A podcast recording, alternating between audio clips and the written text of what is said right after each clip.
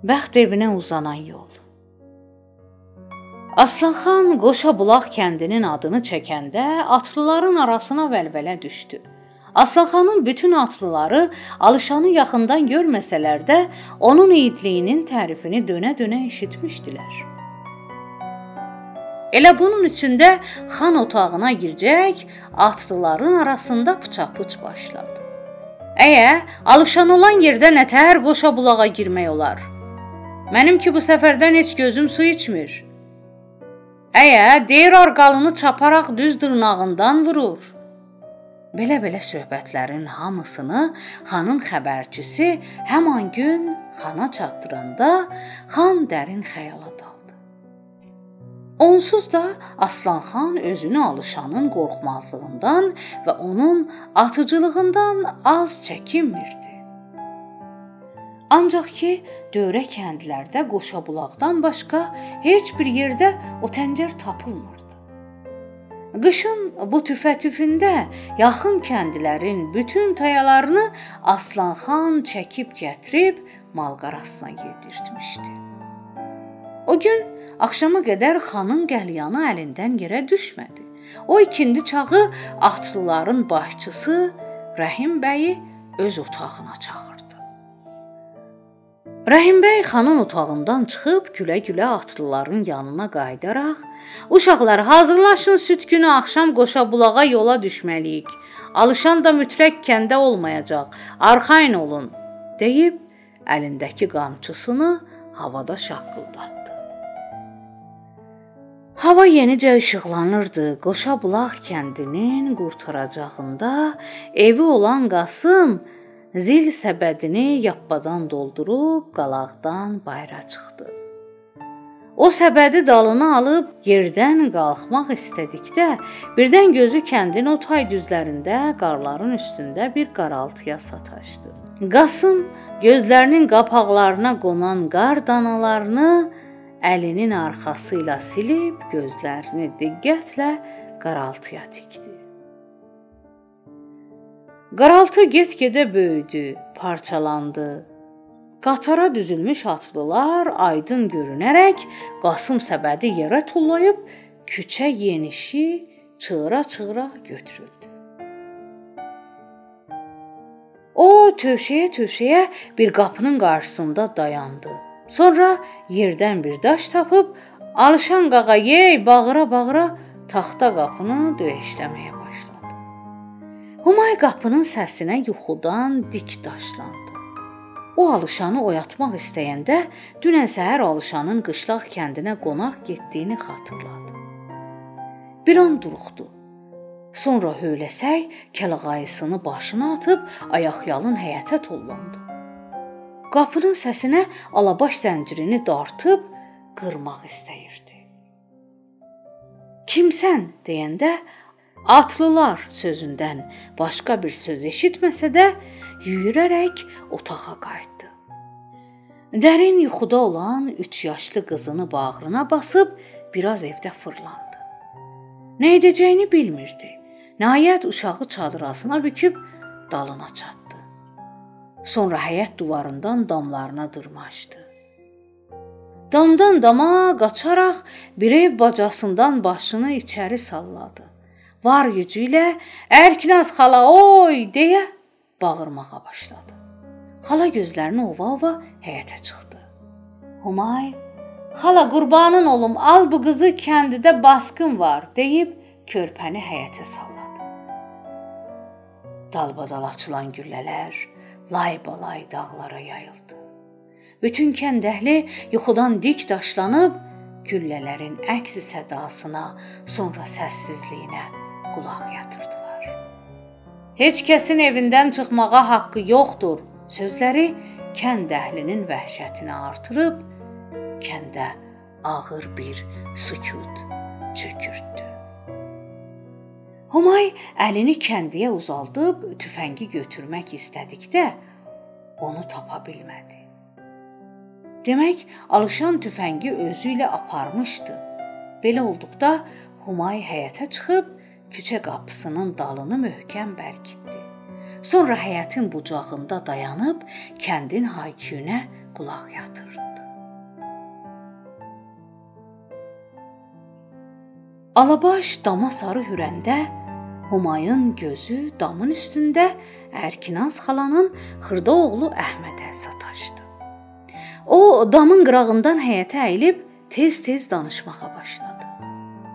Humay bacı, atan deyir atlılar evə girmirlər, nayaran olma. Onlar bir qatar dəvə gətiriblər, tayalara aparsınlar. Anam deyir tez gəl, Həcər ağlayır. Əhməd sözünü qurtarar, qurtarmaz gözdən etdi. Humay Ərkinaz xalanın evinə girəndə Səlman kişini gözləri seçməyib onu görməmişdi. O Həcəri ovudub yerə qoyduqdan sonra birdən gözü Səlman kişiyə sataşıb utana-utana onu salamladı. Səlman kişi Alışanın hara getdiyini soruşanda Ərkinaz xala fikirli-fikirli barmağını dişləyib pıçıldadı. Demək Şükür bəy Alışanı qonaq çağırıb. Ay dili qafil. İdə yaman tələ qurublar. Humay bir ah çəkib, "Əmi, Alışanı necə xəbər etmək olar?" soruşanda Səlman kişi müştüyünü ciyər dolusu somurub, toxtaq-toxtaq sözə başladı. Qızım, qışlağa bir mənzillik yoldur. Bu qar küləkdə ora kim gedə bilər? Humay Necə biabır olduq əmi deyəndə əlini dizinə çalıb ay kəhrat, hay səslədi. Yayın ilk ayı olsa da, hələ yaylaqda gömgöy çəmənlər yenicə boy atırdı. Quzuların səsi quşların səsinə qarışıb, aləlvan çiçəklər axan suların ahəngi ilə yırğalanırdı. Humay obanın yaxınlığındakı bulaqdan mis siyəngini dolduraraq suyun aynasında heyran-heyran saçlarını seyr edirdi. Birdən bir at kişnərtisindən diskinib dik ayağa qalxdı. Atlı atından enib su istədikdə Humay mis kasanı doldurub ona tutdu. Bu an Humayın muahit gəlinə düzülmüş qıplı gümüş pulların cingiltisindən at ürküb cilovunu atlının əlindən çıxarıb götürüldü. Cavan atlı nə ki çalışdısa, atını tuta bilmədi. Bunu görən Humay siyəngini çiynindən yerə qoyub atın dalıca qaçıb gözdən itdi. Birazdan o Kəhər atın belində atlının yanına qaydanda çəmən üstə oturmuş alışanın danışmağa dili tutmamışdı. Kəhər atı ilk dəfə minməsi Humayı sevgi dünyasına çatdırsa da, onu ikinci dəfə minməsi Humayı qoşa bulağa uzanan yol ilə bəxt evinə çatdırmışdı. "A qız, nə fikirdəsən, ey? Çayını iç." deyəndə Ərkinaz xala Humayı xəyal dünyasından ayırdı. Bu ara Səlman kişi gedib xəbər gətirdi ki, xanın atlıları xərmənlərdə ot yandırıb kebab bişirməyə məşğul olublar. Bir neçəsi də yonca tayalarını söküb dəvələrə yükləyirlər. Bunu eşidən Humay cəld ayağa qalxıb evinə qayıtdı. O gün naharadək Humayın boğazından bircə stəkan çaydan başqa heç nə keçmədi. O nə işləyə bilir, nə də bir yerdə dayana bilirdi. Həcər yuxuda için çəkəndə Humay acıdı. Allah sizə nəhlət eləsin. Nahaq yerə uşağı döydüm, dedi. Bir köhnə yorğançanı Həcərin üstünə çəkib dik ayağa qalxdı. Bir an fikrə daldı. Sonra fanısı yandırıb əlini alıb həyətə çıxdı.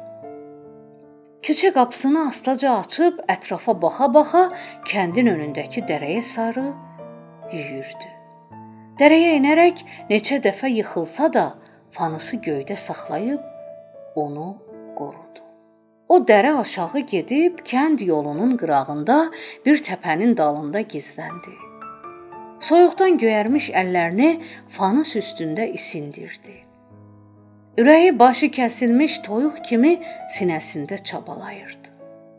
Uzun sürən anlar Nəhayət başa çatıb qar şəpələrin yara-yara yaxınlaşan atların ayaq səsləri qulağına çataraq qarın üstündə uzandı. Atlılar gəlib bir-bir ötüşdü. Dəvə qatarının yükləri göründü. Bir anda susdu. Qatarın ovsarını çəkən atlı onun qabağından rədd olaraq qabağa sıçrayıb bir anın içində fanısın nəftini dəvəyə yüklənən quru yoncalara səpib fanısın piltəsi ilə alışdırdı. Geri dönüb dərəyə tullandı. Hava yavaş-yavaş qaralırdı. Qurd qoyundan seçilməz olmuşdu. İnsan toplanışından sanki palçıq damların beli bükülürdü. Haykü səsindən qulaq tutulurdu. Bütün kənd əhli damların üstündən ağappaq qarlarla örtülmüş dağlara tərəf diqqətlə baxırdılar. Gənclərin barmaqları dağ başına dırmaşan od şırığına tuşlanmışdı. Humay Həcəri bağrına basıb göz yaşlarını silə-silə damlarından həyətə indi.